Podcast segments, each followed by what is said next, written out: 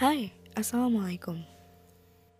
Kali ini di episode pertama aku mau bahas soal pilihan. Nah, sebagai manusia, kita berhak ya nentuin kemauan atau ambisi yang kita punya. Nah, kita berhak memilih tentunya dengan konsekuensi yang telah ditetapkan dong.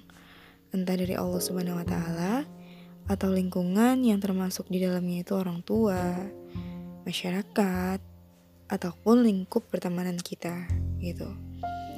Nah, contoh dari pilihan ini sendiri ya mungkin sekarang lagi hits-hitsnya deh. Adik-adik yang baru SMA yang lagi galau nentuin kampus mana nih yang akan dia pilih sebagai tempat dia menimba ilmu atau ya dia cari pengalaman baru. Itu tergantung ya. Nah tapi nih permasalahannya adalah kalau mereka udah bingung nentuin kayak gitu, terus mereka dihadapin sama pilihan, otomatis mereka milih dong. Kan gak mungkin juga mereka kuliah di dua universitas sekaligus.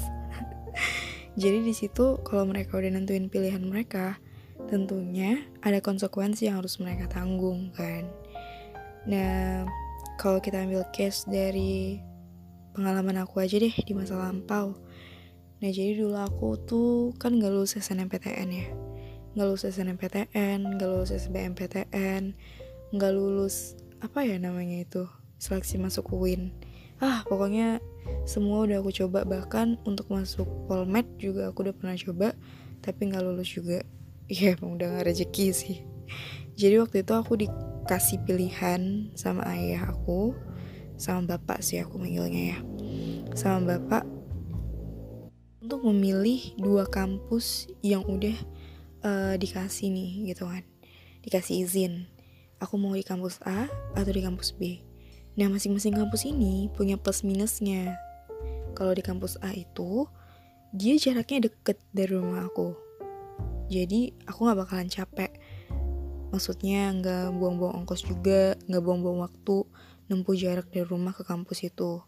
Nah tapi permasalahannya adalah review orang-orang atau ya pada tahun 2015 itu aku waktu baru aja lulus SMA si kampus A ini ada kasus gitu. Jadi ya aku takut dong untuk masuk di kampus itu.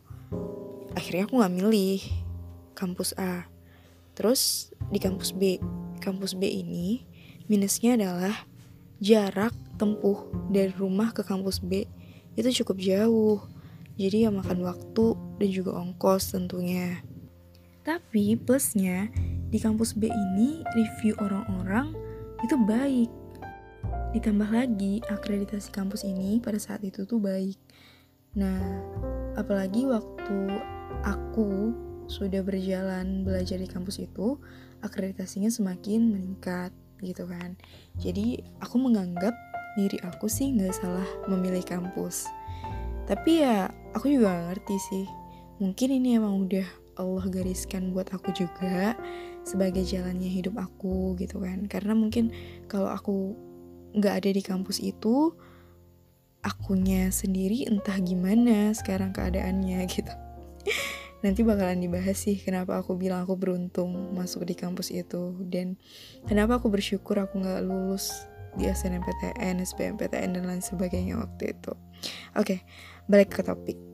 Nah, udah aku pilih nih kampus B. Tentunya setelah aku tentukan pilihan, aku punya konsekuensi dong yang aku pribadi tanggung. Nah, konsekuensinya itu adalah aku capek. Jadi kan emang jarak dari rumah ke kampus itu lumayan jauh. Capek di jalan. Aku kan gak punya uh, kereta ya. Kalau di Medan tuh nama motor tuh dinamain kereta. Jadi aku gak punya kereta jadi aku naik angkot ke mana-mana. Ya otomatis capek dong. Kalau aku totalin ya perjalanan dari rumah ke kampus itu plus macet ada satu setengah jam. Jadi ya emang makan waktu banget. Terus juga tambah lagi kan aku ngambil jam kuliah siang itu panas panasnya ya udah keringetan. Belum sampai kampus udah bau juga. Cuman ya oke okay lah. Udah lewat juga gitu kan. Nah, itu konsekuensi yang aku pribadi tanggung. Konsekuensi yang orang tua aku tanggung adalah tentunya biaya yang dikeluarkan juga lebih mahal. Karena memang kita bilanglah si kampus ini punya kualitas pembelajaran yang baik dan akreditasi yang baik. Jadi uang kuliahnya juga lumayan pada saat aku masuk di kampus itu gitu kan. Nah, itu uh, dari segi orang tua aku. Terus juga ada dari masyarakat. Masyarakat ini apa konsekuensinya? Masyarakat itu menilai. Jadi kebanyakan waktu aku udah uh, kuliah udah mulai kuliah itu masyarakat masyarakat sekitar ya. Maksudnya tetangga-tetangga aku. Itu kayak ngasih saran tapi lebih ke gimana ya kalau bahasa sekarang tuh bilangnya nyinyirin sih ya. Beberapa orang ada yang bilang ngapain sih kuliah jauh-jauh? Kan ada yang deket. Ngapain sih kuliah yang mahal-mahal? Kan ada yang lebih murah gitu. Ya aku sih mikirnya iya lah bu. Ini kan pilihan aku. Ini kan hidup aku. Toh kan aku yang jalanin. Orang tua juga nyanggupin gitu kan. Walaupun ya aku tahu gimana uh, up and downnya orang tua aku pada saat aku kuliah itu tadi gitu kan. Cuman ya selama ini sejauh ini sampai aku tamat alhamdulillah baik-baik aja gitu kan. Dan sekarang alhamdulillah aku juga udah ngajar. Yay. Apa sih? Oke okay, kalau itu tadi case di kehidupan dunia ya. Nah kita kan hidup gak cuma buat dunia aja tapi juga buat menuju kepulangan yang hakiki yes kepulangan hakiki ya jadi kalau misalnya kita mau menuju kepulangan yang hakiki, tentu kita tahu kita hidup di dunia ini buat apa tentunya buat cari bekal untuk pulang ke kampung akhirat gitu kan. Nah, jadi sebenarnya kita juga dikasih pilihan nih sama Allah. Kita itu selama di dunia mau taat atau mau maksiat. Kesannya, ih kok bisa sih dikasih pilihan gitu? ya emang iya gitu. Kita dikasih kebebasan sebenarnya. Kita tuh mau taat atau justru mau maksiat di dalam kehidupan dunia ini. Tapi setelah kita milih salah satu di antara keduanya itu, kita juga punya konsekuensi atas pilihan kita. Konsekuensinya apa? Ya ada surga, juga ada neraka, gitu kan. Walaupun ya kita nggak bisa jamin sepenuhnya sih kita masuk surga atau neraka setelah kita nentuin pilihan. Taruhlah gitu, kita nentuin pilihan kita mau taat. Kita juga nggak bisa jamin kita langsung masuk surga gitu kan. Tapi at least kita udah usaha jadi ya balik lagi sih ke pilihan masing-masing. Kalau masih mau ambil paham, muda foya-foya, tua kaya raya, mati masuk surga.